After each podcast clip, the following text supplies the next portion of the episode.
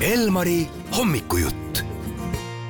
ja uudistes räägiti meile annetustalgutest ja tundub, et see peaks olema kodu korrastamiseks ka üks hea meetod, saame kohe küsida asjatundjalt, meil on täna külas Maria Pärkmaa, tere hommikust! tere hommikust! kuidas on siis, kas annetustalgud on abiks?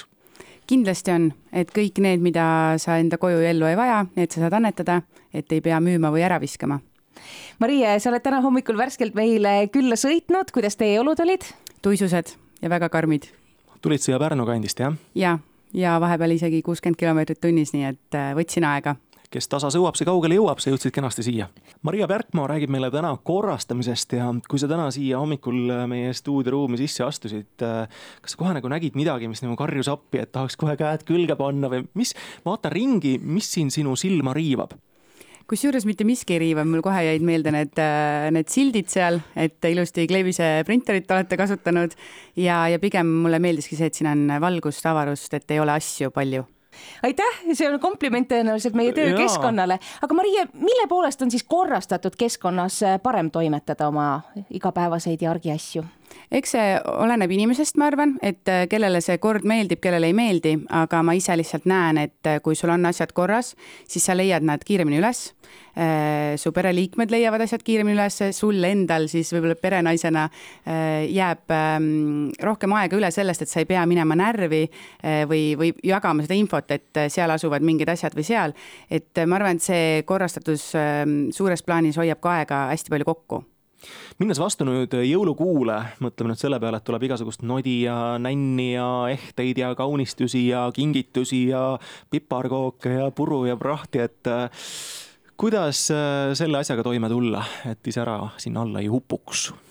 Äh, kui me nüüd räägime kingitustest, siis ma pigem soovitan kinkida inimestele neid asju, mida te tõesti teate, et nad tahavad või vajavad. ja kui nad, kui te, kui te seda ei tea, siis ärge huupi lihtsalt asju ostke et ei ole mõtet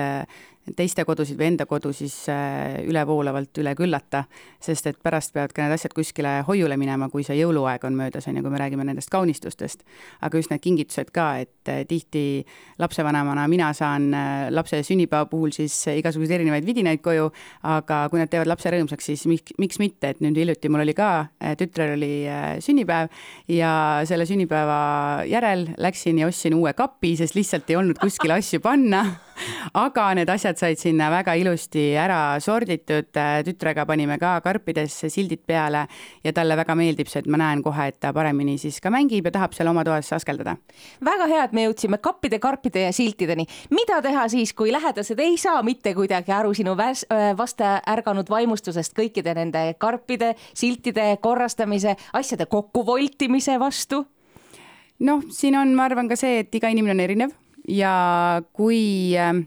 siis ühe pereliikmena hakatakse seda korda looma, äh, siis tegelikult tõenäosus on väga suur, et teised tulevad kaasa. et ma näen enda kursusel osalejate pealt seda, et kui perenaine hakkab äh, askeldama, siis äh, need pere väiksemad tulevad ka kaasa ja hakkavad ise enda toas juba seda korda looma ja neid karpe ja silte tahtma sinna ka, sest et see süsteemsus hakkab ka neile ikkagi külge karbid, sildid ja mis veel, et äh, nüüd tahaks ju ikkagi pühadeks äh, saada kõike korda, võimalikult palju hingamisruumi ümberringi, anna meile praktilised nõuanded. no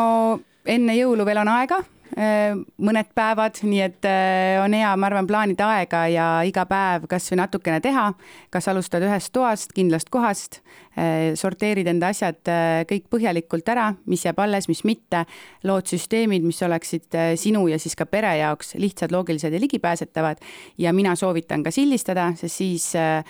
tekitad sagi kohe ühe kindla koha kindlale asjale, tead nii sina kui ka teised, kas siis need pere väiksemad või ka siis kaasa, et kuhu midagi käib.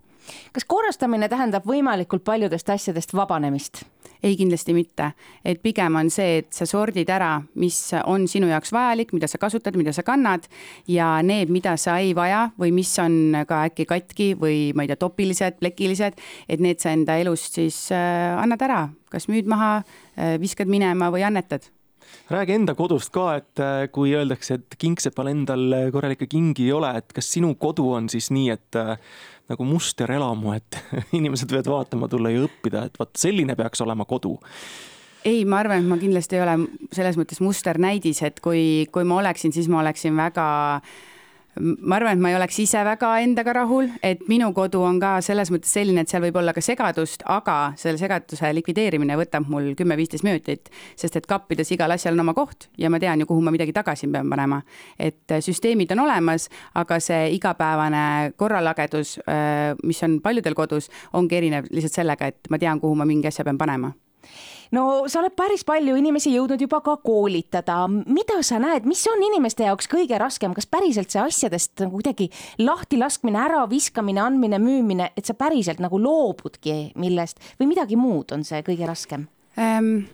Minu jaoks ei ole midagi rasket, sest et äh, mina panen inimesi, neid endid nagu mõtlema selle üle, aga nende jaoks on raske äh, saada lahti mõttest, et äh, igaks juhuks hoian alles, äkki läheb kunagi tarvis. et nad tahavad kõiki asju või noh, siis enamus asju selle mõtte järgi igaks juhuks alles hoida. aga kui ma enda neid koolitusi teen, mis on päris pikaajalised, kümme nädalat, siis selle jooksul nad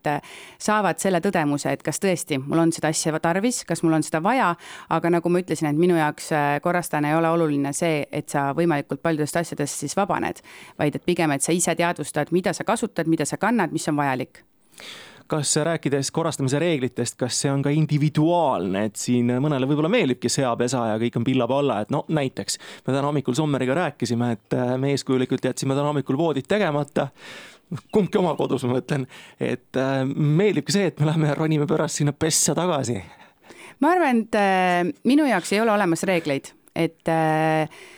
ma arvan, et see mm, korrastamine, kõik, mis nagu, kõik, mida sa enda elus teed, peab sobima sulle endale ja lihtsalt, äh, kui sa näed, et äh, korra loomine ja kodu korras hoidmine on sinu jaoks vajalik, siis on ju ainult võit ajaliselt. aga ka mina vahel ikkagi ei tee seda voodit ära, aga mulle meeldib ikkagi, et hommikul ma laotan selle teki ilusti laiali, panen päevateki peale, et siis tõmban veel kardinad eest ära, et see tuba on korras, ma lähen sealt ära, kõik on vinks-vonks. aga, aga vahel on tõesti see ka, et nagu ma ütlesin, minu kodu ka ei ole musternäidis, et et ei pea kõike tegema eh, nii, nagu võib-olla kuskil on kirjas, vaid pigem täpselt enda, enda järgi, kuidas endale meeldib. Aga mis sinu vast ilmunud raamatusse Korrastades elu korda on saanud, need siis ei ole reeglid?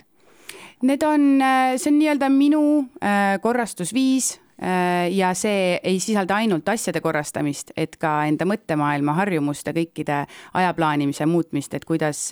kuidas ka muu elu korda saada vaadates, kui paks see raamat on, et asju, mida meie ümber korda seada, tundub olevat nagu nii-nii palju ja nõuandeid sul samamoodi hästi palju, et kas midagi nüüd välja ka siit või sa pigistasid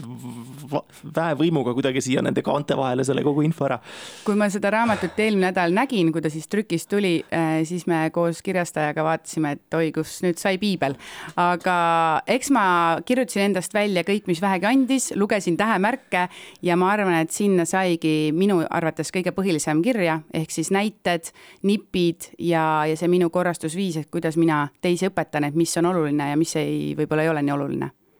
muide, kes veel ei teadnud, siis äh, Maria mängib äh, bändis ka, selle nimi on John Stewart Mill. räägi nüüd ausalt ära, kas sina kerid kõik need juhtmed kokku, mida vaja on, et sa poistel ei lase seda teha?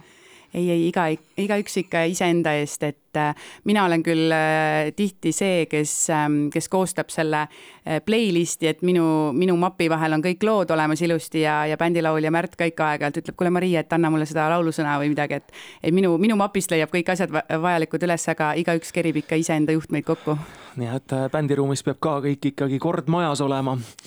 aga aitäh, me täname sind, äh, Maria Pärkma, et sa täna hommikul tulid siia Pärnust meile külla ja toredat äh, tagasiteed. aitäh teile